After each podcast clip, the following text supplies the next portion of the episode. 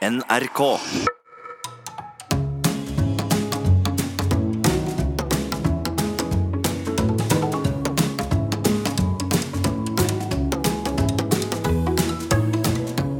Hjertelig velkommen til Sånn er du her på P2. I studio i dag sitter du, Nils Brenna. Ja.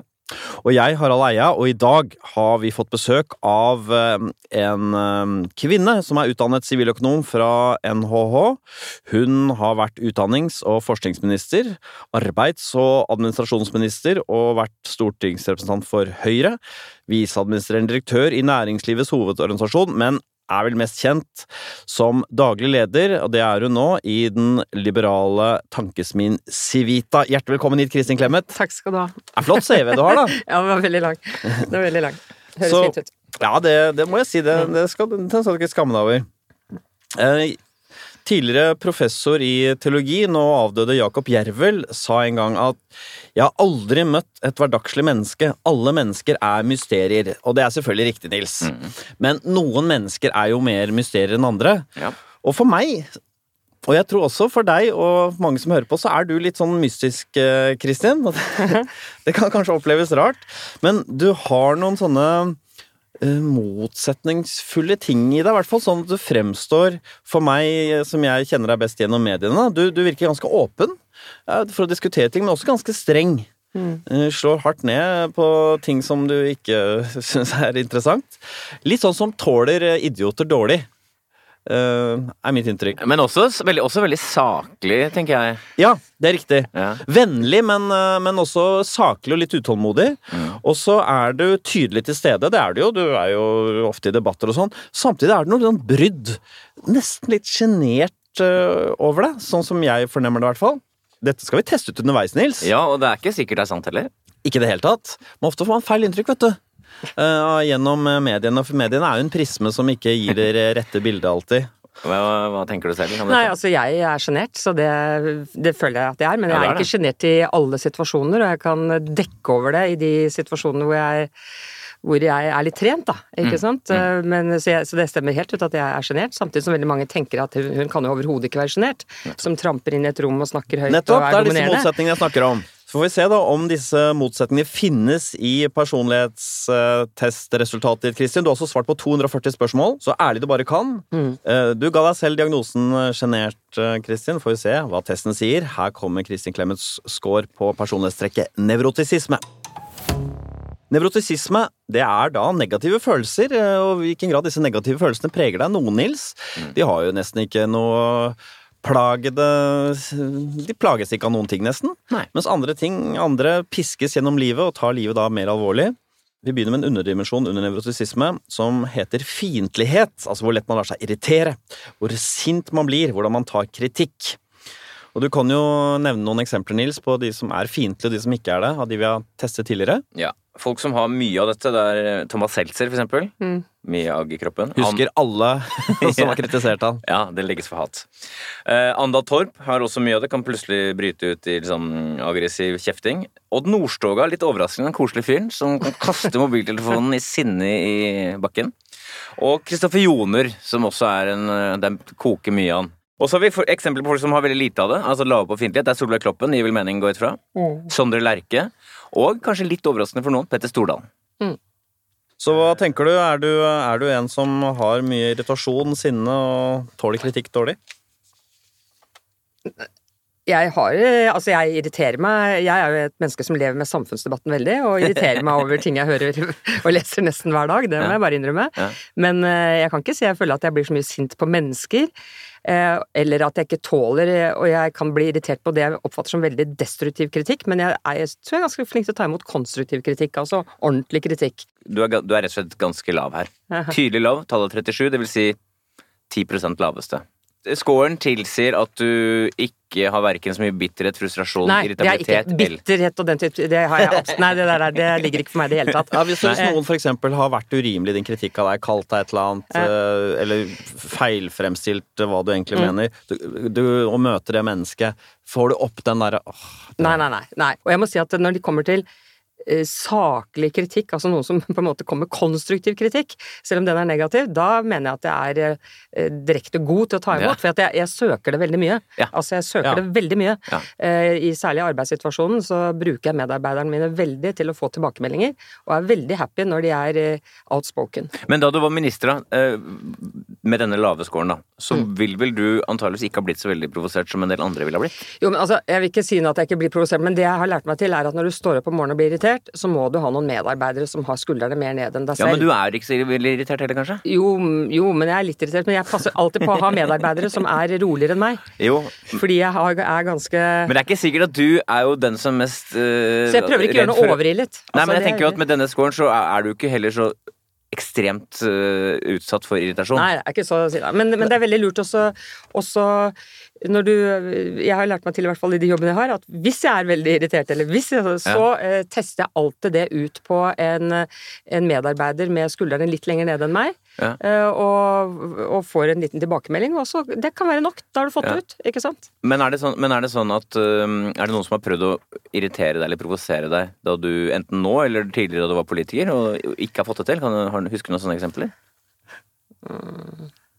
Altså, det er jo folk jeg syns er veldig irriterende å diskutere med. Altså, Hvem er det? Hvem er det? Altså, en som jeg syns er skal, skal man si det Ja. på radio? Altså, En jeg syns er fryktelig irriterende å diskutere med, er Magnus Marsdal. Ja. Ja, altså, han er jo står så altså, Han er langt til venstre, og Ja, og jeg, det virker som han har fått meg på hjernen. Altså, han kan skrive artikler hvor det står, navnet mitt står uh, 200 ganger og sånn, så det, det Ja. Mens, Men da- men, men- det er, men, jeg må bare si en ting. Ja. Det er ikke sånn at de som står lengst unna deg, nødvendigvis irriterer deg mest. Jeg Nei. tenkte veldig mye på det. Jeg skal gi et eksempel på irritasjon Ja. som jeg opplevde. Det var jeg var i New York, og da boken til Knut Arild Hareide kom ut Eller jeg hadde Ja. Uh, så leste jeg den, og jeg ble utrolig irritert og provosert. Og så tenkte jeg, hvorfor blir jeg så irritert og provosert av dette? Og da gikk jeg ut og måtte gå meg en tur da, for å tenke over hva det var. Og da måtte jeg tenke over, er det det at han, er det det at han liksom er en slags politisk motstander? Altså, vi er ikke så, men altså, vi mener jo, mener jo ikke akkurat det samme. Og da måtte jeg konstatere at det er det ikke, fordi det er jo ikke så lenge siden jeg eh, eksempel leste Bård Vegar Solhjells bok om Uro? politisk retningsvalg. Ja. Nei, ikke den, den som Nei, kom før, om unnskyld. politisk retningsvalg, hvor jeg Ja. var invitert til å være med og lansere boken. Og den likte jeg kjempegodt. Og, og jeg eh, hadde ikke noe negativt å si om det, var ikke uenig i så mye som sto der heller, for den saks skyld. Og det gjelder mange som står meg fjernere, og jeg ikke blir noe irritert i det hele tatt. Så, men det jeg kom til var med Knut Arilds bok, da, det er at han for å, uh, for å uh, beskrive sitt eget politiske prosjekt, så Jeg vet ikke om han føler seg nødt til det, men i hvert fall gjorde han det. Så må han karikere og fortegne meningsmotstandere. Nettopp. Så det bildet han, for å liksom skape en plass for hans kristendemokrati mellom venstresiden og høyresiden, så man liksom brekker seg plass, og det må, da må han karikere både venstresiden og høyresiden, og det gikk mest utover høyresiden. Som ble da bare Og det, det blir jo da også en karikatur av hva jeg står for, på en måte, siden jeg tilhører høyresiden. Og, og det merket jeg, det, det ble et sånt irritasjonsmoment, men fordi eh, du føler deg uredelig? Det er ja, det, det virker litt sånn uredelig. Mens, eh, mens eh, Så det er, ikke, det er ikke nødvendigvis hvor det står i landskapet, men det er måten man argumenterer på. Ja. Og Bård Vegar Solhjell bare ett eksempel, jeg kunne nevnt flere, men altså ett eksempel på en som eh, overhodet ikke irriterer meg, Nei. som jeg syns er spennende å diskutere med. Noe av poenget her er jo også at du, det, da, da blir du irritert, men med denne lave scoren så skal du jo ganske fort hente deg inn igjen, da, for å si Ja, det det sånn. er veldig lett. Ja, hvordan, gjør Ja. det? hvordan foregår det, da? Eh, jeg, jeg må ikke gjøre noe spesielt. Jeg går videre og begynner å gjøre noe annet. du går ikke hjem og kaster ting i veggen? Nei, nei, nei. nei, nei. nei det er, eh, men det er stadig noe nytt. Altså, jeg har en veldig Jeg tror jeg har en veldig velutviklet evne til å engasjere meg det, i det som ligger foran. Ja. Altså, jeg blir veldig fort ferdig med det som er Nettopp. eh, bak. Ja, ikke sant? Og det er jo typisk. Men, og, og hvis du da hadde møtt Knut Arild Hareide, da blir, er du irritert på han da når du møter han da, tenker du? Nei, jeg sier, men jeg, jeg, kan, jeg, kan, jeg har jo sagt det. Du sier kan det til si, han da? Kan si, si, ja, hvis Ja. jeg skal absolutt si det. Ja. Ja. Det er ikke noe problem. Men skal jo så sies her at uh, det, er en, det er en fasett i personlighet som heter føyelighet, som vi ikke skal snakke så mye om. Men Som kommer ligger under medmenneskelighet. Ikke sant? Fordi det er litt sånn hvor kranglete du er, da. Mm. skal sies at du er ganske høy på føyelighet. Altså, du er ikke noe særlig kranglete heller. Nei. Så ganske lite agg, og ganske krangler. lite kranglete. Ja. Jeg er veldig glad i å diskutere, og det er, Ja. eh, det er nok mange som har hørt meg diskutere. Eh, Dere har jo hatt folk i studio her som, eh, som Anne Holt, som fortalte at hun ganske kan gå inn ja. eh, som, og vi har sittet mange kvelder og diskutert, og da hvis folk hører det litt på avstand, Ja. så er jeg ikke sikker på om de oppfatter det som diskusjon. Nei. Eh, Det er nok mulig at de oppfatter det som noe annet. Og ja, det, men- har skjedd meg, det har skjedd meg. Altså, så Men du, når du hever stemmen, så er det ikke fordi du er sint, det er fordi du er engasjert? Nei, altså, vi, barna, vi har jo, alle våre barn er jo flyttet ut, men eh, da mannen min og jeg giftet oss i ganske høy alder, for ikke så lenge siden, så holdt datteren vår en tale og sa at nå kunne de trygt flytte ut. fordi at de hadde, når de hadde bodd hjemme, så måtte de av og til komme ilende til, for de var var ikke helt sikre på om det var en krangel eller okay. en diskusjon. Nettopp. Eh, Så dere har diskutert mye, men dere har ikke krangla så mye, kanskje? Nei. Sånn at eh, jeg er glad i å diskutere, men ikke glad i å krangle. Men det er klart en hard diskusjon, altså en diskusjon hvor du virkelig har sterke meninger, Ja. eh, det kan nok for de som ikke er så glad i å diskutere, eller ikke så vant til å diskutere, kanskje høres eh, skremmende ut. Når du da diskuterer på grensen til krangler med mannen, og du får ikke lyst til å liksom Når du, når du kjenner at du får et overtak i diskusjonen, Mm. kan du glede deg over det og liksom kjøre videre på det, eller? Alle er jo glad i å vinne en diskusjon, Nei, ikke alle. er det ikke? Jeg er det, men det er ikke Ja, jeg syns det er ålreit. Ja, Jeg får lyst til å pleie motparten Ja, for du er ikke sånn, min. Harald. Du er ikke Nei, men jeg, da kan jeg si det. Men jeg skjønner jo hvorfor du Ja. sa det du sa. Fordi på den annen side så er det jo sånn at Ja. Sånn at vi ble mer jevnbyrdige igjen. Jeg, jeg var en gang med, ikke en debatt med deg, men jeg var med samme program. Det var debatten hvor temaet var ulikhet. Uh, vet ikke om du husker det? Ja. Så kom jeg gående ut av NRK sammen med professor Kalle Moen og et par andre, og du hadde allerede satt deg i bilen, og så stoppet du bilen. Og da, da var du misfornøyd med det som foregikk i den debatten her, husker jeg veldig godt. Ja, men da hadde jeg sikkert grunnlag for det. Du- husker du hva det var, eller? Var jeg misfornøyd med deg også, eller? Nei, ikke med det jeg hadde sagt. Eh, Det var et eller annet med Om det var riggen i debatten, eller om det var noen av At det var noe uredelighet der. Jeg så at det var ganske Da var det sånn Jo, jo, men, ja, men du sånn er jeg. Ja. Men er du generelt ganske jevn i humøret? Eh, ja, jeg vil si det. Jev- Jevnt opp og ned. Er det mye sur hjemme? Nei.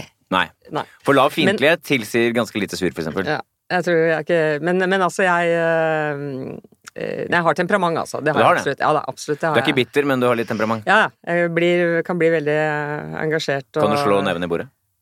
Det gjør jeg ikke mye. Nei. Nei, det gjør jeg ikke mye. Så er det en annen eh, interessant underdimensjon under eh, nevrotisisme som heter sårbarhet for stress. Også hvordan eh, tåler man at ting drar seg til, at det blir tidsnød, at det er mye mas. Um, de som scorer lavt, typisk her, Nils, vil være sånn Christian Ringnes, Tore Sagen, Anne B. Ragde. De får ikke noe høy puls når det er mye som står på spill. Nei. Mens typisk eh, folk som er sårbare for stress, eh, hvem er det du vil trekke fram? Mari Maurstad hun stresser seg veldig lett opp for ingenting, særlig når hun skal rekke fly og sånn. Og så har du da Line Skåber, som, som hun selv sa, svikter når det gjelder som mest. Når det er virkelig er stressa situasjoner. Og Stein Torleif Bjella, som mm, klarer å kave seg opp over at det er rotete på gården og litt forskjellig sånn. Selv om han virker så rolig, så blir han altså da oppkavet og mister hodet litt, da. Ja, nei, men jeg tror, altså, jeg tror ærlig talt jeg tåler stress ganske godt. Det er riktig. Det er riktig. Eh, Det, det må jeg si. Tydelig lav score, 37. Så jeg føler at jeg blir tvert om Altså jo mer alvorlig stress, jo mer alvorlige situasjoner, jo roligere blir jeg. Har du noen eksempler på situasjoner hvor andre har mistet litt hodet mens du har stått i det? Det, skjer, det er- føler jeg har skjedd ganske mange ganger hvis det skjer sånne småkatastrofer på, på jobb. For eksempel være printeren svikter, eller hva? Nei. Nei, men altså noen som eksempel dummer seg ut i det offentlige rom, da. Ja. sier altså en statssekretær eller noen som sier noe man absolutt ikke bør si, og som blir helt fortvilet, ikke sant. Ja. Da tror jeg at jeg er en ganske god leder. Men hva gjør, fordi- de, hva gjør de da, og hva gjør du?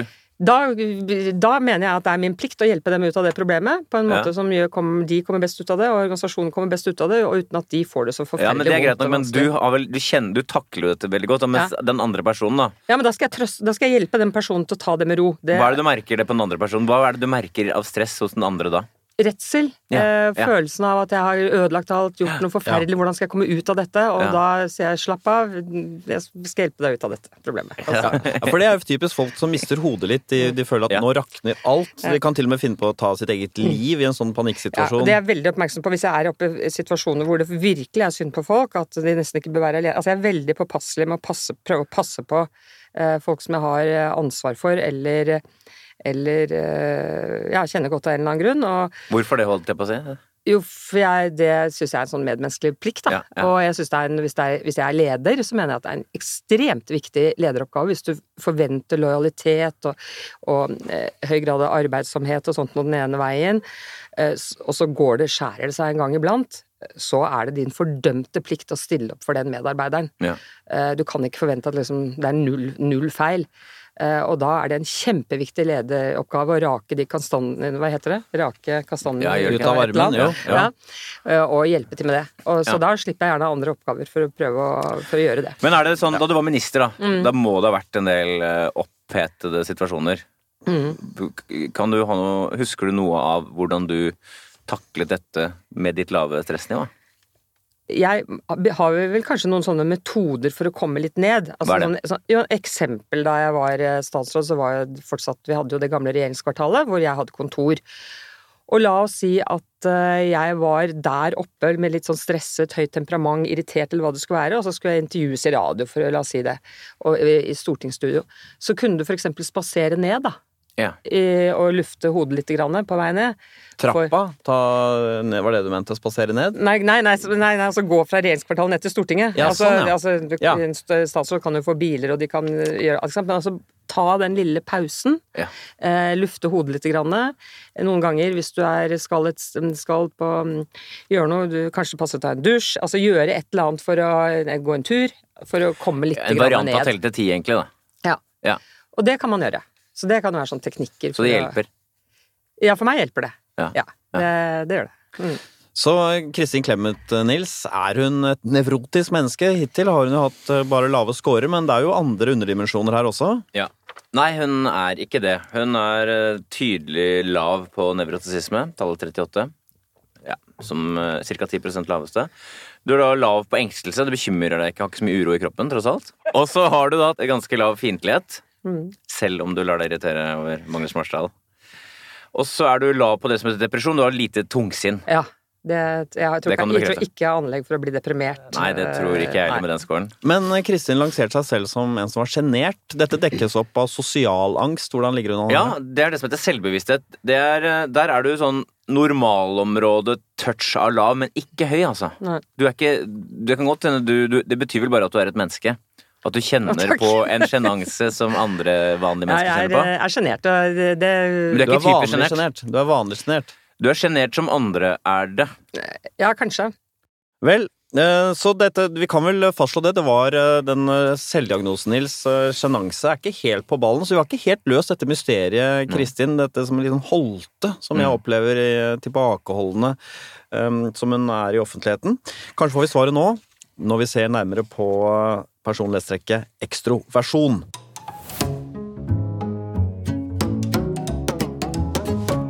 Ekstroversjon det er jo et rart ord. Noen sier ekstraversjon, ekstroversjon, utadvendthet.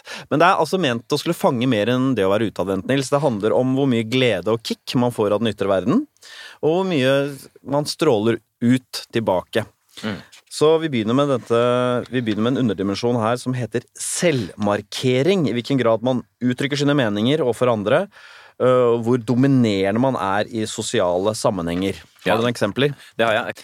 Eksempler på folk som scorer uh, veldig høyt her, uh, veldig tydelig til stede, er Elin Ørjasæter, Torbjørn Røe Isaksen Mm. og Fredrik Skavlan. Du merker når de kommer inn i rommet. Mer- Skjønner du poenget? Ja, ja. Nei, altså, jeg tror jeg scorer altfor høyt der. Jeg skal bare gi deg eksempler på noen lave som du eventuelt kan ane at du er veldig forskjellig fra. Bjarte Tjøstheim, Carlo Knausgård og faktisk Hege Store.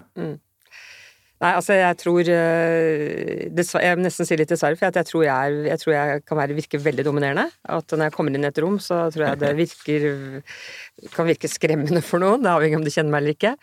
Og at uh, stemmen min er jo, er jo ikke akkurat en liten sånn pipestemme som ingen hører heller. ikke sant? Så det er veldig mye, kan bli veldig mye av meg, da. Og eh, Så du, sat, du satser på høy score?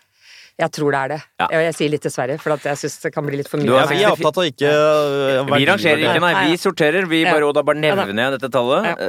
Eh, 64. Det er høyt tall. Ja. Tydelig høyt. Så du har jo rett, da. Ja. Eh, Vi bare plasserer det høyt, vi. Mm. Jeg er jo ustoppelig engasjert. Ikke sant? Jeg, jeg, noen ganger så blir jeg nesten sliten av mitt eget engasjement. For, ja, at jeg, for at jeg blir så engasjert i så veldig mye. Så jeg tenkte at det må være deilig å ikke bli så engasjert, men jeg, jeg blir det. Har du alltid vært en litt sånn ledertype sånn på Ja. studiene? Uh, Så det jeg, har helt Jeg holdt på å si fra jeg gikk på skolen, så er jeg typisk sånn blitt uh, tillitsperson i klassen og elevrådsleder og det det, ja. speiderleder og ja. Altså, jeg har vært leder hele mitt liv. Du har det. Ja. Nettopp. Eh, Hvordan er det å ikke Eller ja, for du, har du noen gang ikke vært leder? Eh, Nei, det tror jeg nesten Nei? ikke. Men jeg har jo hatt ledere. Jeg har jo ikke vært øverste leder. men du har jo alltid jeg- vært leder. Jeg har alltid vært leder, ja. Og, Hvor gammel var du da du ble minister første gang? eh, 32 år. Så ung, ja. Så jeg, jeg liker veldig godt å være leder. Hva er det som er så gøy med å være leder? Nei, men det er Jeg, jeg, jeg liker å Jeg liker å bestemme. Ja, men en ærlig sagt, det. Ja, men. Nei, men, Ja, men men like- ja, jeg syns det er utrolig inspirerende. Altså, ledelse, det er jo eh, å få det beste ut av en gruppe mennesker, ikke sant? Altså, det, er, det er ikke sånn at eh, Jeg pleier å si at jeg er litt uenig med Erna Solberg når hun sier at vi, er, vi ønsker oss drømmelæreren. Altså, jeg skjønner at vi ønsker oss drømmelæreren, men du vet, det er jo ingen skole som består bare av drømmelærere. Det er ingen organisasjon som består av bare drømmemedarbeidere. Derfor er det jo en veldig viktig lederoppgave å si du har disse menneskene, og de har forskjellige egenskaper og forskjellig kompetanse og sånn, og prøve å få det beste ut av det laget der. På en sånn måte at du når gode resultater, og at du eh, skaper et hyggelig arbeidsmiljø, det er jeg kjempeopptatt av. ja, det er det. Ja, veldig. Og at hver enkelt medarbeider også føler at eh, hun eller han personlig får eh, kan nå noen mål. Og det syns jeg er eh, veldig givende. Det er selvfølgelig Når det ikke går så bra, så blir man ikke så glad, men når det går bra, så blir man veldig glad. Og det det, er det å være leder handler mer om gleden om å få få laget til, å fungere. Ja, få laget til å nå mål sammen. Ja. Ja. Snakker du mer enn mannen din? Eh, ja. Så han syns at du snakker litt mye, da, eller? Eh, nei, jeg tror han Men på middager, la oss si dere er på middag med noen andre. ja, Nei, da snakker vi like mye. Hender det at du får høre etterpå, Kristin, du snakka i etter bankende kjør. Ja, det hender hva har skjedd. Hvordan tar du det? Men eh, det syns jeg ikke er noe bra. Eh, så jeg prøver ikke å gjøre det, og, og, og det fins mennesker som snakker mer enn meg. Eh, Hvem er det, for eksempel? Anne Holt er et typisk eksempel. Er det gøy å møte sånne, for da er dere jevnbyrdige? Ja, fordi når dere møtes, så snakker hun litt mer. Ja, Snakker hun mer enn meg. Men er det klart. deilig? Fordi da kan Ja, ja, for da vet jeg at jeg ikke er verst. En eh, underdimensjon under ekstroversjon er aktivitet. Det handler om livstempo, behov for å holde seg aktiv og sysselsatt. Og typisk eh, mennesker som scorer høy på aktivitet her, er Trond-Viggo Torgersen, full av piff. Anne B. Ragde, selvfølgelig en virvelvind. Og de som er eh, mer lave, også intuitivt riktig, Lars Lillo Stenberg. kan ta det litt mer med ro. Are Kalve, også litt sånn bedagelig type, selv om han får gjort mye. Så hvordan tenker du det ligger an her, Kristin? Skyhøyt. Du er tydelig ja. Eh, Så hva er det det, er det det handler om? Det du Nei, altså jeg er veldig Jeg ligger sjelden eller aldri på sofaen og later meg. Du gjør ikke kan jeg bare si. Eh, Hvordan ville det vært? Eh, Jeg vet ikke, jeg har ikke prøvd det. Men så jeg er veldig jeg er, Og det tror jeg nok kan være litt sånn anstrengende for omgivelsene. Altså jeg er veldig i aktivitet hele tiden og, og ganske effektiv også. Um, Hvordan er det å ha ferie da for Så jeg tror, jeg tror mannen min han blir så glad når han ser meg sitte i en stol og lese en bok. Ja. Altså bli sittende der. Men er det, hvordan er det da på ferie? Da er jeg også i aktivitet. Hva gjør du da? Gå på tur, eh, holder på, fikser og ordner, lager middag til de som skal komme. Holder på hele tiden. Så jeg er veldig, veldig sånn, og, og jeg skulle ønske at jeg satt litt mer i en stol og leste en bok. Men ligge på sofaen, det, der går grensa. nei, nei, men eh, Det kan du ikke. Nei, det blir lenge til, tror jeg. Er det rart å se for seg at du ligger på sofaen? Vil stussa Ja. da? Vil barna dine komme om du lå på sofaen? Og du Nei, kom barna er flyttet hjemmefra. ja, men hvis de, ja, men hvis de kommer hjem henne, og de, Og sånn, ja, de ville stusse da, vi trodde jeg var syk. Ja, Da er mor syk, ja. ja. Men er du utålmodig? Ja. det Er du så utålmodig at folk kan føle at de må forte seg litt når de Ja, snakker det, med deg? det har jeg hørt medarbeidere kommer inn på rom, kommer inn på kontoret mitt, eller rommet mitt, kommer inn på kontoret mitt. Så hvordan de føler at eh, nå må jeg snakke fort. Og har de rett? Og har de rett? Ja, jeg, altså, de har rett i at det i hvert fall føles sånn. Og, Jo, men de er, de, du tenker vel at det er litt kjedelig? kjedelig det er nok kanskje litt sant også, for jeg er hele tiden i jobber, og, og de føler at de avbryter meg, og at eh, Så jeg jobber veldig fælt når det kommer inn noen for å prøve å se avslappet ut, da, og rolig. Men jeg er det ikke. Men er du skravlekopp?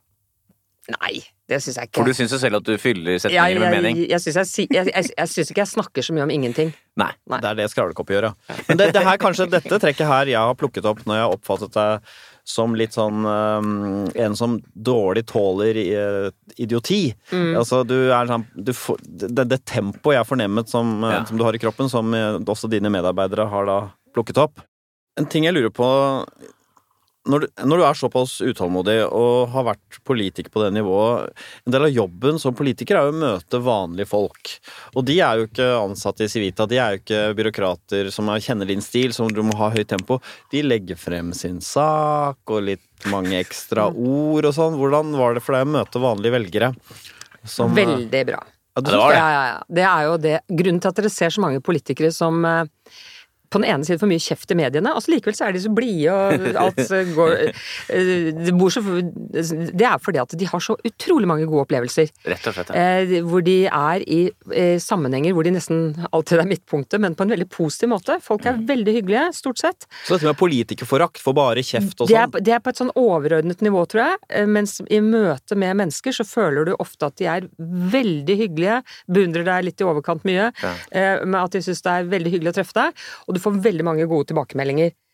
Ikke noe er som å reise rundt i Norge og treffe vanlige folk, for at det er bare kjempeinspirerende. Ja, det er det. Det var hyggelig å høre, for jeg har ofte Ja. vært bekymret for at Gidder folk å være politiker lenger når du får så mye kjeft og sånn, men det var jo fantastisk, Det er et da. annet sted du får det. Du får det Ja. liksom i mediene, den politiske debatten, men, eh, Men hva er det som er så inspirerende med det, da, bare for å ta det? Altså, at folk blir glad for å treffe deg, Ja. det er jo i seg selv Ja, men når det- når den gleden har Sinte, seg. de er ikke sinte. Du la ned Ja. sykehuset Det er vårt, veldig sjelden. Det er mest eh, Altså, jeg, jeg hadde jo, var jo skoleminister, og da var det jo en del kontroversielle ting vi gjorde. Og, og da så hender det at det ikke er helt comme il faut å si at jeg er enig, og så kommer de bort og sier 'jeg er egentlig enig med deg', og altså, det er kjempebra og sånn. Ja? Så du får veldig mange sånne tilbakemeldinger, og bare det Jeg var jo på jeg vet ikke hvor mange skolebesøk, og der står de linet opp. Elever og lærere og den lokale ordføreren og foreldre, representanter for foreldrene. Og så har de kaker og kaffe og eh, vil vise frem det beste på skolen sin og sånt noe. Det er veldig sjarmerende, det er veldig lærerikt. Og eh, Dette er rørende, syns jeg. Norske folk, ass. ja, ja, det er det. Men hvorfor slutta du, da? Selv om jeg er veldig samfunnsengasjert, så liker jeg ikke alle sider ved den partipolitiske eh, Altså det partipolitiske og den formelle politikken. Eh, Fordi det er sånn for veldig mye, ja, for det er veldig mye spill, og det er mye sånn strategisk kommunikasjon, og det er og dette her kan være, det kan være gøy, du kan la deg rive med, men den beslutningen jeg tok, er at jeg tror ikke jeg orker dette hele livet. Nei. Nei. Men hva skal vi si da, Nils, i sum, Kristin Clemet? Ekstrovert eller introvert? Hun har jo hatt Ja. mye ekstroverte scorer her. Ja, nei, det er da, Du har havna på den midtkategorien som verken er introvert eller ekstrovert. Det er det som heter ambivert. Som folk flest, rett og slett. Ja, ikke sant? Du er da høy på aktivitet og energi og sånn. Du er høy på selvmarkering. Du er på snitt når det gjelder sosiabilitet. Det vil si at du kan godt like å være sammen med andre, men du kan sikkert like å jobbe litt aleine og sånn også. Og så er du på snitt på positiv følelse, touch og høy, faktisk. Eh, Du er tydelig lav på spenningssøking, det vil si sånn natteliv, natteliv berg-og-dal-baner, spenning generelt. Det er ikke så veldig interessant for deg, for å si det på den måten. Ja. Og så er du touch av lav på den, det som heter ekstraart varme. Det vil si at noen kanskje kan oppleve deg som litt reservert. Kan det stemme? Ja, det tror jeg. Ja. Men denne litt sånn touch av lave ekstroverte varmen, det går liksom Det går vel da opp, Nils, på at man ikke i så stor grad Jeg scorer jo lavt her selv. Er veldig personlig. Hvordan går det med deg? Mm. Har du det fint? Det er, det er på en måte den ekstroverte varmen. Den som er raskt til stede. Mm. Rask. Det, der er ikke du så mye. Nei, ikke Da må det være veldig nære eh, venner, eller spesielle situasjoner. Men ellers så, så er jeg nok ikke sånn, nei. nei. Så du er litt sånn du er, Bare understreke, er- dette er ikke et veldig lavt tall, men Nei. du er litt grann reservert? Er det det Ja, du tenker da? det er jeg absolutt. Men du lever godt med at du er bitte litt reservert, for å si det sånn? Ja, det er noen ganger jeg, jeg, jeg tenker over at oi, jeg burde ha spurt hvordan går det med barna hans. Ja. men, eh, men dette gjelder ikke nære venner, altså. Nei Da- Nei. Men du er ikke sånn som er på leting etter nye venner, heller? Uh, nei. Jeg vil si at jeg har mange venner, og mange gode, nære venner. Sånn at eh, når jeg får nye venner Ja. uh, nå, så tenker jeg at da er det virkelig eh, morsomt, for da er det noen som treffer deg helt eh, Men, men er det sånn at du har tenkt det, at den har lyst til å bli venner med, og så har du klart det? eh, Nei, jeg tror ikke jeg har hatt noe sånn prosjekt for, for det. Det har jeg ikke. Men jeg har blitt tilfeldig med Truffet eh, folk tilfeldig, og blitt eh, nær venn på ganske kort tid. Ja. Og det er ganske morsomt. Ja, Har det skjedd i siste- løpet av ti siste Ja, år? altså jeg, kan, jeg kan sikkert si, si ta et eksempel. Altså, hun er ganske kjent òg. Hun Alexandra Plate. Vet dere om hun pensjonseksperten? Ja, faktisk så vet jeg hvem det er, men si litt mer Ja. om det. Hun er jo på en måte det motsatte, men er veldig pen og tynn og Altså alt. Du, er så opptatt av det. Og så en gang jeg satt meg ned for noen år siden for et eh, fly, vi skulle til Italia, vi skulle på en konferanse, og hun skulle på samme konferanse, jeg kjente ikke henne. Og så var det litt utpå dagen, og så tenkte jeg jeg har lyst på, kunne, kunne tenkt meg å ta et glass vin. Men så tenkte jeg det tør jeg ikke å ta, for at hun der, der er sikkert sånn som ikke drikker vin eller noe sånt. nå. Og så, og, så, og så hadde hun sittet og tenkt det samme, og så tok begge et glass vin, og så begynte vi å snakke sammen, og så ble vi perlevenner, og det er vi den dag i dag. Ja, Så herlig. ja. Så det er mulig, men da, hva er det hun har som du liker? Eh, hun er veldig snill, Ja, snill, ja. er veldig snill og veldig interessert og veldig engasjert og um, kjempehyggelig å Ja. være sammen med. Vel, du leder jo en tenketank, eh, Kristin Clemet, så da må vi vel anta at du scorer høyt på neste personlighetstrekk, men det er slett ikke sikkert, eh, Nils. Nei. Vi skal nå se din score på personlighetstrekket åpenhet for erfaringer. Åpenhet for erfaringer handler om nysgjerrighet på nye ting, på kunnskap, men også fantasi, og man er opptatt av eh, følelser, generelt om man da møter verden med åpne øyne og eh, versus da om man er litt mer eh, konservativ, eh, kanskje ikke så nyfiken på nye ting. Og vi begynner med dette som heter åpenhet for følelser. Det er en underdimensjon som handler om hvor mottagelig man er for følelser, rett og slett. Både egne og andres. Eh, Typisk eh, noen som er høye her, Nils. Ja, Det er da skuespiller Agnes Kittelsen som liksom kjenner følelsene hele tiden, så å si. Samme Knausgård, som da har alle mulige stemninger i kroppen. Og handler på dem. Altså Hvis det Ja. føles riktig, så et barn til. Jeg går for det. Ja. Og så har du da faktisk, da, litt overraskende for noen, at Per Sandberg også har en sånn ganske emosjonell type, rett og slett. Det syns jeg ikke er så overraskende. Nei, Nei, men det er lett å tenke at han er sint, men han er også Nei, men det tror jeg han er. ja. Ja, men han har disse følelsene høyt oppe, da. Det har vi vel sett. Ikke sant? Og så har du da de som eh, ikke er så veldig høye, og, og ikke forholder seg så mye til følelser. Der er det Audun Lysbakken. Gir det mening? Ja. ja. Erlend Lo, som vi hadde jo den eh, opplevelsen med at han, eh, han skriver bøker bare som er fantasidrevne. Han har ingen sånn åpne følelser, og han kjenner ikke så mye på følelser heller. Og derfor er ikke romanen besluttet besudlet av det. Og så har vi Egil Hegerberg, som mener selv han har, han har nesten ingen følelser, bare glede. Og er det ikke en følelse? Ja, det, er, det er en egen, det er en egen glede, ting. Positive følelser Ja, er en ja. egen fasett. Ja, ja. Mens følelser handler om hvor mye du forholder deg til følelser. Hvor, vi- hvor viktig rolle følelsen spiller i, ditt liv. da hvor Ja. Magefølelse, intuisjon Det er jo Ja. sånne mennesker. Følelser der og da, hvor viktig er det? Ja, Så hva tenker du? Er du Jeg tror jeg ligner mer på Audun Lysbakken enn på Per Sandberg. det er riktig. Mm. Jeg tror faktisk du har samme score som Audun Lysbakken også. Du har 40. Du er ikke superlav, men du er ganske lav. Så, altså, jeg tror jeg er beina veldig på jorda, som Ja. man sier. Altså Ja. veldig sånn realistisk. Ja. Eh, og eh, og, hvis, og eh, ikke lar følelsene styre det som skal være i det rasjonelle delen av altså jobben din og den typen ting. Da prøver du å være eh, Så sier Men- ikke sånn Jeg bare kjenner på hele meg at det er feil, Ja. selv om argumentene ja, da, ja, ja, ja, ja, litt må man gjøre det. Altså, for eksempel så har jeg nok erfart at eh, jeg har gjort mange ansettelser i mitt liv, og da skal du aldri ikke ta hensyn til magefølelsen. Altså, for eksempel, du skal ikke bare ta hensyn til papirer og sånn da. Ansettelser, det går jo på menneskelige relasjoner også. Og jeg har gjort mange gode ansettelser, men jeg har gjort noen tabber også. Og Hvor du ikke har lyttet til magefølelsen? og da har jeg gått tilbake og tenkt at hadde jeg lyttet litt mer til magefølelsen der, så kanskje ikke hadde begått den tabben. Okay. Så eller, selvfølgelig skal man ha det med seg. Så du har hatt for lite åpnet for følelser i de ansettelsesprosessene? I noen, det. ja, det vil jeg si, egentlig. Si litt mer om hvordan du ikke forholder deg så mye til følelser der og da i øyeblikket. Altså, eh, det er vel det at jeg eh, Det vi har snakket om eh, Hvis jeg er sint eller irritert, eller sånt, så vet jeg at jeg kan ikke fatte beslutninger på det grunnlaget. Nettopp. Det ikke. Nettopp. Så jeg, det, det gjør jeg ikke. ikke Ja. Så det og sammen med den litt lave ekstroverte varmen her, så kan kanskje det gjøre at du oppleves som litt insensitiv av andre? At du ikke tar følelsene så Ja, det kan være. Ja. Altså mennesker som er veldig emosjonelle, eh, de får kanskje ikke full pott hos meg, da, for å si det sånn. Når de, Nei, Si mer om det. Nei, altså jeg, jeg er kanskje ikke så jeg, jeg tror jeg er hvis det er mennesker som har eh, problemer, virkelig har problemer, har behov for å Ja. snakke, har behov for hjelp, enten det er jobb eller prat, så tror jeg jeg er veldig flink til å stille opp. Det er sånn jeg sier også. Hvis det først er alvor Men, ja, nettopp. Det er nettopp det. Fordi at eh, mens jeg Det derre og eh, Men at jeg nok eh, innimellom, hvis jeg selv ikke bedømmer det som eh, tilstrekkelig alvorlig, da, Nettopp. eh, så, er jeg, så oppleves jeg nok ikke så flink til å stille opp, nei. Så, la, oss Så si, la oss si at vi var sammen, jeg var veldig emosjonell, da. Mm. Hvordan ville det vært for deg? Jeg tror litt anstrengende. Ja, fordi du har du ikke noe tålmodighet. Altså, må, man må skjerpe seg litt, liksom. Ja, det er akkurat den setningen der. Man må skjerpe seg litt. Så um, og, Ja, jeg tror nok jeg kan fremstå som ikke så mottakelig for veldig sånn uh, følelsesdrevet uh, Ja. Men er du, da, er du da litt streng?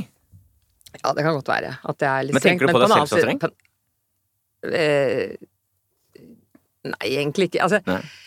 altså, livet er jo ikke bare en dans på roser, som man sier. Altså, det er jo ikke bare Det er jo Man støter på problemer og trøbbel og eh, Jeg reagerer litt på at noen liksom forventer at arbeidslivet, altså at alt som er rundt deg er Alle kollegene dine er bestevenner, og hvis ikke de er helt eh, tipp topp sett med dine øyne, så liksom er det eh, akkurat som du har noe å klage på. Eh, eh, man er nødt til å avfinne seg med at det er noen bulker også, altså noen humper eh, Ja. og, som man skal komme seg forbi. Altså alt er, kan ikke være motorvei i livet. Men har du sagt til folk eh, litt sånn Da Ja, får du det er- faktisk ta deg sammen? Ja, det, ja, altså at man kan ikke forvente at uh, Ja, det, men hvilke, sammenhenger har det vært? Nei, altså jeg har jo vært på arbeidsplasser hvor jeg syns at um, enkelte medarbeidere kan klage for lett på kolleger. Ja, og da har du Og sagt da kan jeg si nei, du må rett og slett tåle at han eller hun har en annen personlighet enn deg. Ja. Eh, altså er annerledes. Altså, dette, det er ikke en du skal gifte deg med, dette er en arbeidsplass. og, og da må vi rett og slett finne oss i det, og så gjøre vårt beste for at det funker. En sentral fasett, altså en side, en underdimensjon ved åpenhet for erfaringer, er åpenhet for ideer. Og dette må jo være spesielt interessant for deg, Kristin, som tross alt leder en tenketank, hvor det da driver og kverner ut ideer og diskuterer eh, ideologi og den type ting. Det handler altså om intellektuell nysgjerrighet, om man har interesse for abstrakte ideer. Typisk de som skal gjøre lavt her, som eh, ikke er noe så interessert i sånne ideer og teorier og sånn. Ja, det er da for eksempel Steinar Sagen, i motsetning til sin bror Tore. Og så er det Thomas Seltzer, som innrømmet at han, ja, han gikk på universitetet, men var vel egentlig ikke så interessert i sånne type ting, egentlig. Og faktisk da tidligere LO-leder Geir Kristiansen var nok mer opptatt av det konkrete. Ikke så interessert i å diskutere sånn sosialisme, klasseforskjeller, det ble for eh, skrivebordsaktig. Ja, Og så har vi folk som scorer høyt, da, som eh, er dratt i den motsatte retningen. Det er Anne B. Ragde, Pernille Sørensen og alpinist Kjetil Jansrud. Han vil gjerne ha begrunnelser for hvorfor man skal gjøre ditt og datt i alpinbakken, ikke bare nøye seg med de praktiske rådene. Så hva tenker du her? Er du en som er eh, intellektuelt eh, nysgjerrig? Jeg synes det er litt vanskelig å svare på, for eh, jeg vil nok si at jeg syns det er ganske interessant å diskutere hva sosialisme er. Men eh, jeg er ikke så veldig interessert hvis vi skal begynne å diskutere privatisering av månen. Eh, altså, hvis det blir for abstrakt, Ja. så er ikke jeg helt Privatisering av avfeide du, og du lo av Nils, men det er veldig interessant, fordi Ja. det man lurer på er hvorvidt det landet som til enhver tid har månen i sin sektor ut i verdensrommet Norge har jo månen, eier jo månen da kanskje et par minutter. Det er interessant juridisk Mm. Ja, og det er folk i Civitas som er interessert i det. Det syns jeg er helt ålreit at de er. Men jeg er ikke så Nei, Når det blir såpass uh... Ja, fordi kineserne har jo nå filmet på baksiden av månen, for eksempel. Hva- Syns du det er interessant?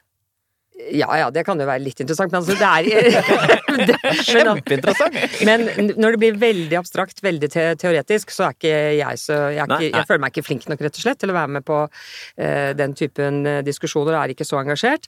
Um, uh, men uh, jeg syns ikke sosialisme, som du nevnte som et eksempel, det syns jeg ikke er så fjernt. Nei, det skjønner jeg, du jobber i politikken. Og, ehm, eh, og, og noe jeg lider litt av, merker jeg, det er at jeg har nettopp som dere har snakket om mange ganger, at jeg har vært statsråd. Fordi det er vel litt sånn at når det er diskusjoner, så sier man og so what? Altså, og hva, og hva så? Ja. Altså, fordi jeg blir veldig opptatt av hva gjør vi med det? Eh, Ja. Og det er nok en yrkesskade. Eh, sånn at de som bare diskuterer og ikke kommer videre eh, Det er jo helt helt ålreit, selvfølgelig, men, men jeg preges litt av at jeg da Ja, har jeg. vært i en situasjon hvor jeg spør meg selv hva kan jeg gjøre med det? Ja, så dette spørsmålet hva så, so what, eh, hva antyder det, Nils? Nei, det, det er veldig interessant, da, og du er jo inne på det selv. Da. Du har fått en ganske lav score, 37. Men det er jo det du også sier, at det er forskjell på å sitte i kantina på Blindern og å være statsråd. Men betyr det at du tidligere i livet hadde høy score her, vil du tro? Jeg tror kanskje litt mer da jeg var yngre, men eh, altså helt ung. Men, eh, men det derre eh, for, eksempel, det er veldig mye debatt nå internasjonalt hva som forårsaker denne populismen, polariseringen, alt dette her. Det, det, du må si, det interesserer meg veldig. Ja. Eh, men når jeg hører de som bare kritiserer dette, eh, så spør jeg meg alltid liksom ja, og hva så? Hva gjør vi med det? Og det blir jeg veldig engasjert i, og der føler jeg at Ja. det er ofte mange som melder seg av den delen av debatten. Det er riktig. Ja, Så du er konkret, du da, egentlig. Ja, Men en annen ting som ligger under denne eh, fasetten, er det å skulle tenke nytt. mm. Hva tenker du om det? Der eh, tenker jeg at jeg er veldig interessert i å tenke nytt, men jeg er ikke flink nok til å tenke nytt. Ok. Eh, Det, det, Hva er det du merker det på? Eh, jeg syns jo Jeg, jeg syns hele eh, Altså hele politiske miljøet, eh, og det gjelder ikke bare Norge, men internasjonalt også, er, er, virker som det er idétørke. Altså, Ja. det er vanskelig å se hvor, hvor er disse altså, Nå er liksom reguleringsstaten er ferdig, eller veldig utbygd. Velferdsstaten er veldig utbygd. Eh, vi møter, støter på en del nye utfordringer og problemer, men det er jo søren ikke så lett å finne ut hva som er eh, løsningene på det. Så jeg, jeg føler meg ikke flink nok til å tenke nytt, og vil gjerne Det, er- det er egentlig ambisjonen min og Civitas ambisjon, at vi skal prøve å komme oss ut av boksene. Og, og komme med dristigere forslag til løsninger, da, som ikke, ikke blir gjennomført nå, men som kan eh, få Mm. tankevirksomheten i gang. Så eh, hva skal vi si, Nils? Eh, Kristin Clemet, leder for en tankesmie. Er hun høy på åpenhet for erfaringer? Eh, hun er ikke det. Eh, hun har ganske lav score. 41. Ikke superlav, men ganske lav. Eh, hun er da ganske lav på fantasi. Hun er ganske lav på følelser, som vi har snakket om.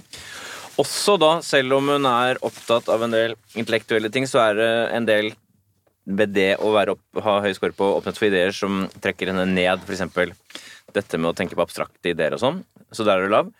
Så er du på snitt på det som heter åpenhet for handlinger. Det vil si at du eh, er gjennomsnittlig når det gjelder å eh, gjøre og prøve nye ting.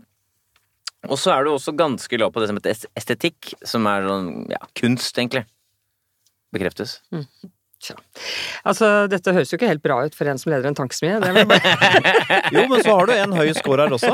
Ja, så har du høy score på det som heter åpenhet for verdier. Det betyr kort fortalt at du er et moderne og tolerant og liberalt menneske. Du er åpen for forskjellige, ja, forskjellige verdier, rett og slett. Ja, og hvis det hadde vært lav der, så ville det vært eh, kanskje verre, for da ville det vært sånn Sånn er det bare. Mm. Men sånn er det ikke. Nei. Det stemmer nok. Hva tenker du nå? Uh, nei, nei, altså jeg må jo bare Jeg, jeg, jeg, jeg jeg må skjerpe meg. men, eh, men det var bra at jeg i hvert fall var åpen og tolerant og Ja. liberal og sånn, da, for da, Ja. det føler jeg at jeg er. Ja, ja.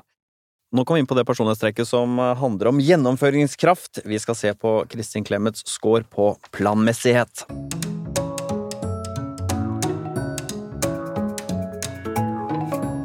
Planmessighet det handler om viljen og drivkraften til å prestere for å oppnå sine mål. Ta tak i oppgaver, gjennomføre dem. Og en side ved planmessighet er det som kalles for kompetanse. Selvtillit, følelsen av å være kyndig og kompetent. Typisk uh, høye uh, Typisk eh, mennesker som scorer høyt her, Nils. Ja, Det er da Siv Jensen, veldig høy score. Det samme har Bård Vegar Solhjell og Petter Stordalen. De, de vet at de er flinke. De har uh, selvtillit på det. Ja. Også de som scorer lavt, uh, si nesten litt søtt, uh, Fabian Stang. Uh, Elskås Furuseth og Thomas Seltzer, som ja, har kanskje ikke så føler, Ikke den følelsen av å være så flink, tross alt. Så hva tenker du? Er du en som jevnt over har en følelse av at du har en slags kontroll? Ja, altså jeg, jeg vet ikke om jeg når opp til Siv Jensen, men jeg, men jeg tror kanskje det går i den. Hva? Du kjente igjen Siv Jensen, at, du, hatt hun Ja, ja, jeg hørte også akkurat det programmet, men, eh, men, eh, men jeg tror jeg går i den retningen, da. Det er riktig. Ja. Presist oppsummert. Mm. 62, tydelig høyt. Uh, nå har jeg ikke Siv Jensens score her, men jeg, den tror jeg er skyhøy. Mm. Så du er tydelig i høya, for å si det sånn. Har du noen gang tenkt når du får en oppgave Det klarer jeg ikke. Det tenker jeg veldig ofte, og grunnen til at jeg ikke er skyhøy her, det tror jeg er at eh, jeg vet hvor jeg, hva jeg kan. Ja. Eh, Ja. Og der har jeg Hva kalte dere dette? Altså, Kompetanse. Komp altså det er liksom følelsen av at dette kan jeg. Ja. Da er jeg ganske sikker på det. Ja. Men jeg er også ganske bestemt på det jeg ikke kan. Hva er det du ikke kan? Nei, det er jo det meste. Altså, det er jo veldig, veldig, veldig mye. Så jeg, jeg, noe jeg blir faktisk irritert over, da, det er jo faktisk altså, å få henvendelser som jeg kan holde foredrag om ting jeg ikke kan. Ja. Så sier jeg men dette kan jeg ikke nå, men så det kan jeg ikke Ja, men det er veldig bra å ha deg på programmet. Nei, Ja. det er ikke bra, for jeg kan det ikke. Men det som også ligger der, er at man har, tenker at man har god dømmekraft. Mm. Tenker du at du har god dømmekraft? Ja, det tror jeg jeg har. Si litt mer. Du smiler. Nei, altså jeg tror jeg har eh, jeg, har jeg tror jeg har vært i veldig mange forskjellige miljøer. Jeg kjenner mennesker i, eh, i veldig mange miljøer. Har eh, mye erfaring. Og at jeg samlet sett har en ganske god dømmekraft, jeg. Både når det gjelder mennesker og situasjoner. Men jeg tror jeg har ganske god dømmekraft, og mange mennesker søker råd hos meg. Gjør det? Ja. Hva er det peiling på, for eksempel? Hvordan de skal gjøre på sin egen arbeidsplass, eller eh, så, så, ja, det er mange, mange, som gjør det. Det er det, ja. ja. Mm. Kristin Clemet har jo eh, kommet eh, langt i livet og hatt veldig mange verv, og vanligvis, Nils, så er jo Du kommer deg ikke dit uten å ha høy score på planmessighet generelt. Hvordan ligger Kristin an her? Hun er ganske høy på planmessighet, ja. Eh, hun er da høy på kompetanse. Du har også masse selvdisiplin. Så er du ekstremt høy på orden. Kan du bekrefte det? Ja. Hva er det går i, for eksempel? Uh, jeg, altså hvis uh, Jeg rydder litt mye. Eller jeg, jeg rydder ikke så mye nå, for nå bor det jo ingen barn hjemme, men altså inntil de flytter hjemmefra så Hvis noen spurte hva du, på dødsleiet hva du har gjort mest i livet ditt, så ville jeg svare å rydde. Uh, så jeg har det veldig ryddig. Hva er det du rydder bort, for eksempel, som andre ikke nødvendigvis rydder bort? Mikael sier at jeg pleier å rydde bort han. ja, for han altså er rot. jeg gjør ikke det. Men nei, altså Jeg har det ganske ryddig ja. uh, hjemme. Uh, det er ikke sånn at det er ryddig i alle skuffer og skap, altså, men uh, det er ganske ryddig Benken er fri? Ja, I mange hjem så er det noe som heter Eller i mange hjem så er det noe som ser ut som oppsamlingsstedet for ting. Ja, det har ikke jeg. Og så, og så, så har jeg ganske god orden på hva jeg skal gjøre på jobben. Ja. Det er ryddig på kontoret mitt, og jeg har lister om hva jeg skal gjøre. Du har lister, ja. ja lister. Har du dagens liste? Å nei, den kan jeg ikke si, for jeg, jeg, jeg, husker det ikke, for jeg skriver det ned. Ja, men så jeg bruker penn og papir. Ja, jeg har lange lister hele tiden om hva jeg skal gjøre. Ja, ja. Artig. Så du har hver dag?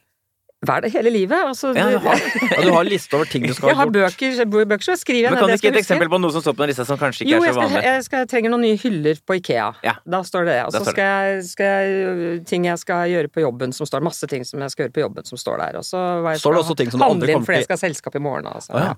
Alt mulig. Unnskyld at jeg avbrøt, altså. Eh, står det også ting du aldri kommer til å gjennomføre? Ja, da, men hvis det står der lenge nok, så kan du stryke det fordi Nettopp. det er glemt eller har gått over, eller ja. ingen husker det. Ja. Du har snitt på plikttroskap, og så er du ikke spesielt høy på prestasjonsstreben, som tross alt rommer det ambisiøse i alle dens varianter, da. Så Nei. hva tenker du om det? Uh...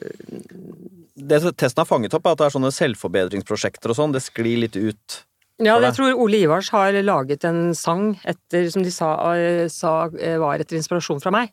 Som Oi. heter at vi tar det på mandagen. Og det leste jeg i et intervju, at, hadde, at, det var etter inspirasjon fra noe jeg hadde sagt i et intervju. Da, at uh, forbedringsprosjektene begynner hver mandag. Det er mer ambisiøs på etter å gjøre det bra her jeg er nå. Nettopp. Altså, jeg trives veldig lett Jeg har veldig lett for å trives i den jobben jeg har. Altså, jeg blir alltid veldig Jeg har ikke skiftet så mye jobb, men alltid veldig lei meg når jeg må slutte. For jeg trives alltid veldig godt der jeg er. Ja. Men jeg blir veldig fort fremoverlent og ja. trives med det jeg begynner på. Og så er jeg ambisiøs etter å løse oppgavene der Nettopp. best mulig, ja. men ikke fordi jeg skal videre. Nei, Drømte du noen gang om å bli statsminister? Nei. Jeg, jeg har må, det må ha vært nevnt i sin tid? Eh, ja, ja, altså Ung og vellykket Jo da, det er det man har lest og hørt og sånt, men, men, eh, jeg har ikke vært så veldig eh, drevet av ting jeg skal gjøre der fremme. Nei. Jeg er veldig drevet av det jeg gjør nå. Så du tenkte ikke noe på det? Nei, det kan jeg ikke huske at jeg Nei. gjorde, egentlig. Disse motsetningene i Kristin Clemet som jeg hadde oppfattet, som jeg lanserte i begynnelsen av programmet, det, mye av de tingene får vi kanskje svar på nå, Nils, mm. når vi skal se på Kristins score på personlighetstrekket medmenneskelighet.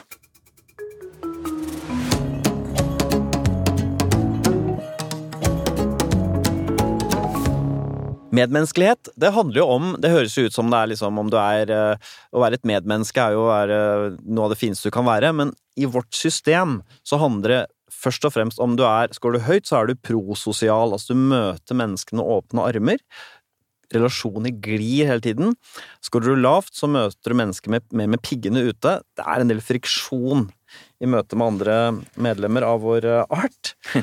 Og vi begynner da med underdimensjonen beskjedenhet hvor ydmyk man er.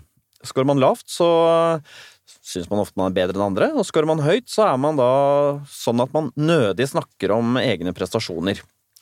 kom- kommende eksempler på de som skårer høyt på beskjedenhet, Nils, og lavt? Ja. Eh, eksempler på folk som er eh, beskjedne, er da Audun Lysbakken. Er ikke noen ute etter å fremheve seg selv. Kjetil Jansrud, alpinisten, som selv om han tar mye plass og er kranglete, sånn, så er han oppi alt ganske beskjeden. Folk som skårer lavt.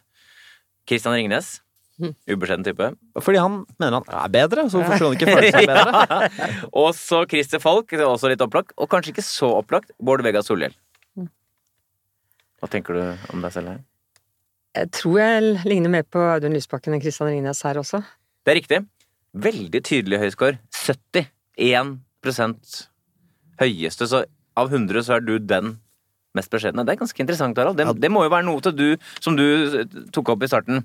Det det, det som du tenkte, det. som du tenkte på som sjenanse, som kanskje er dette? Ja, nå var det jo mente jo Kristin selv at hun var litt sjenert, og det var litt sånn antydning til det, men det er kanskje her den min oppfatning av sjenanse Det er dette det handler om. Ja. Men si litt mer, det er jo vanskelig for deg selvfølgelig å snakke om den beskjedenheten, for det er flott å være beskjeden, og når du er beskjeden, så vil du ikke skryte av å være beskjeden og sånn, men, men du snakker mye, engasjert, men det handler ikke om deg. Det er det Nei, som er det liker jeg ikke. Derfor så var jeg veldig skeptisk til å komme hit også. Ja. Og vi kommer til å være kjempeskeptisk til hva dette blir. For jeg, nei, jeg liker rett og slett ikke det. Hva er det som er så fælt med det, da? Det er jo ikke noe interessant. Eller Jo. Nei. Hvorfor ikke? Nei. Det er, det, er, det er jo ikke det. Ja, men det, hva, hva med sånn, du har jo fått til mye og sånn, det er, du syns det er flaut å si det også? Du vil heller Yes. Ja. Nå blir det stille her, ja. Men uh, Men du er jo så selvmarkerende, du tar så mye plass, ikke sant? Du har masse selvtillit, og så er du beskjeden. Det er jo en sjelden nydelig bukett, Nils. Ja? Hva tenker du selv når du hø hører dette? eh, Den kombinasjonen?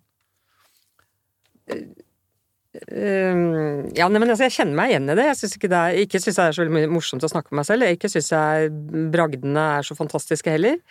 Og, Ja, men, la oss si da, du var, da du ble minister 32 år gammel, da må du ha vært en av de yngste statsrådene noensinne? det første jeg gjorde da, var å møte de lederne i det departementet med ydmykhet og si at jeg trenger hjelp. Ja. Jeg var 32 år, og hvordan skulle jeg løse den oppgaven? Ja. Selvsikker, men ydmyk, rett og slett. Jeg vet jeg trenger hjelp! Ja, ja, ja, ja. ja. Så eh, ja.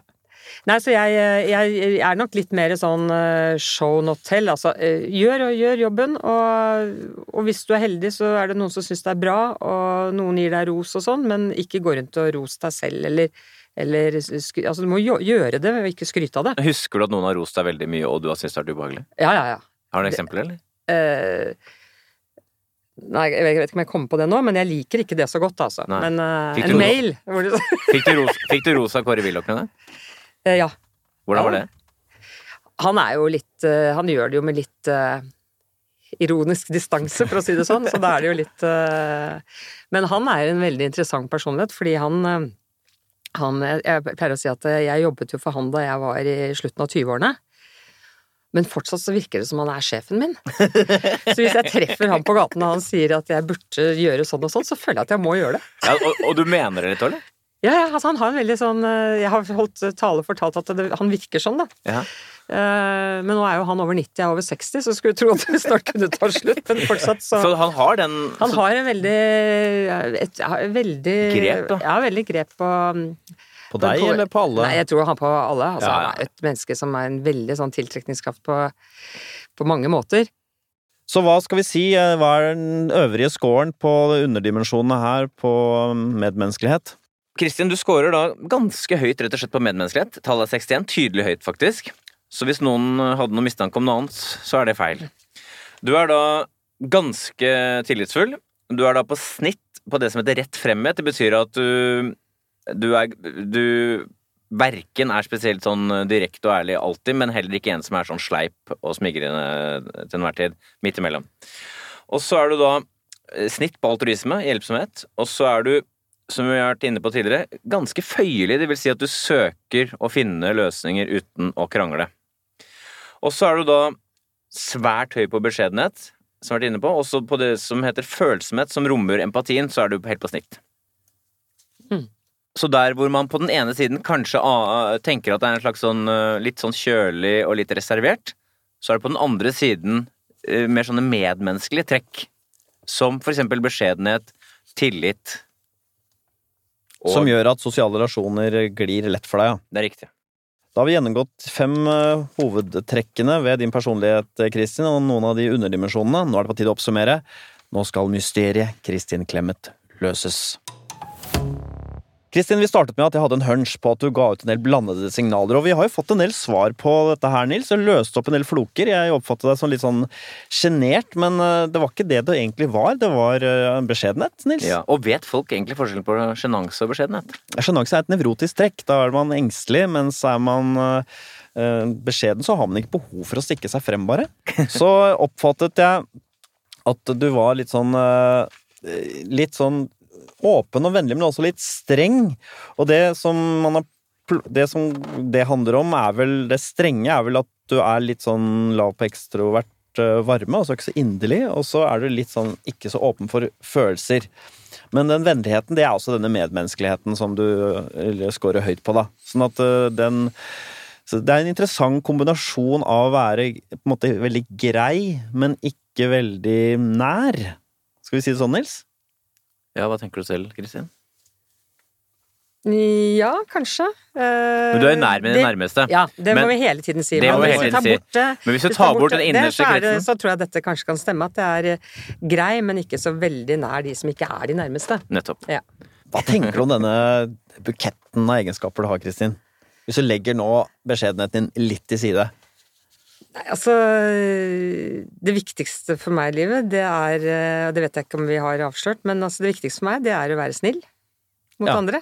Og hvis jeg er snill mot andre, så Særlig nærmeste, da. Det er det viktigste. Ja, og du har jo høy score på medmenneskelighet, så sånn sett passer det. så hvis jeg kan være snill og effektiv.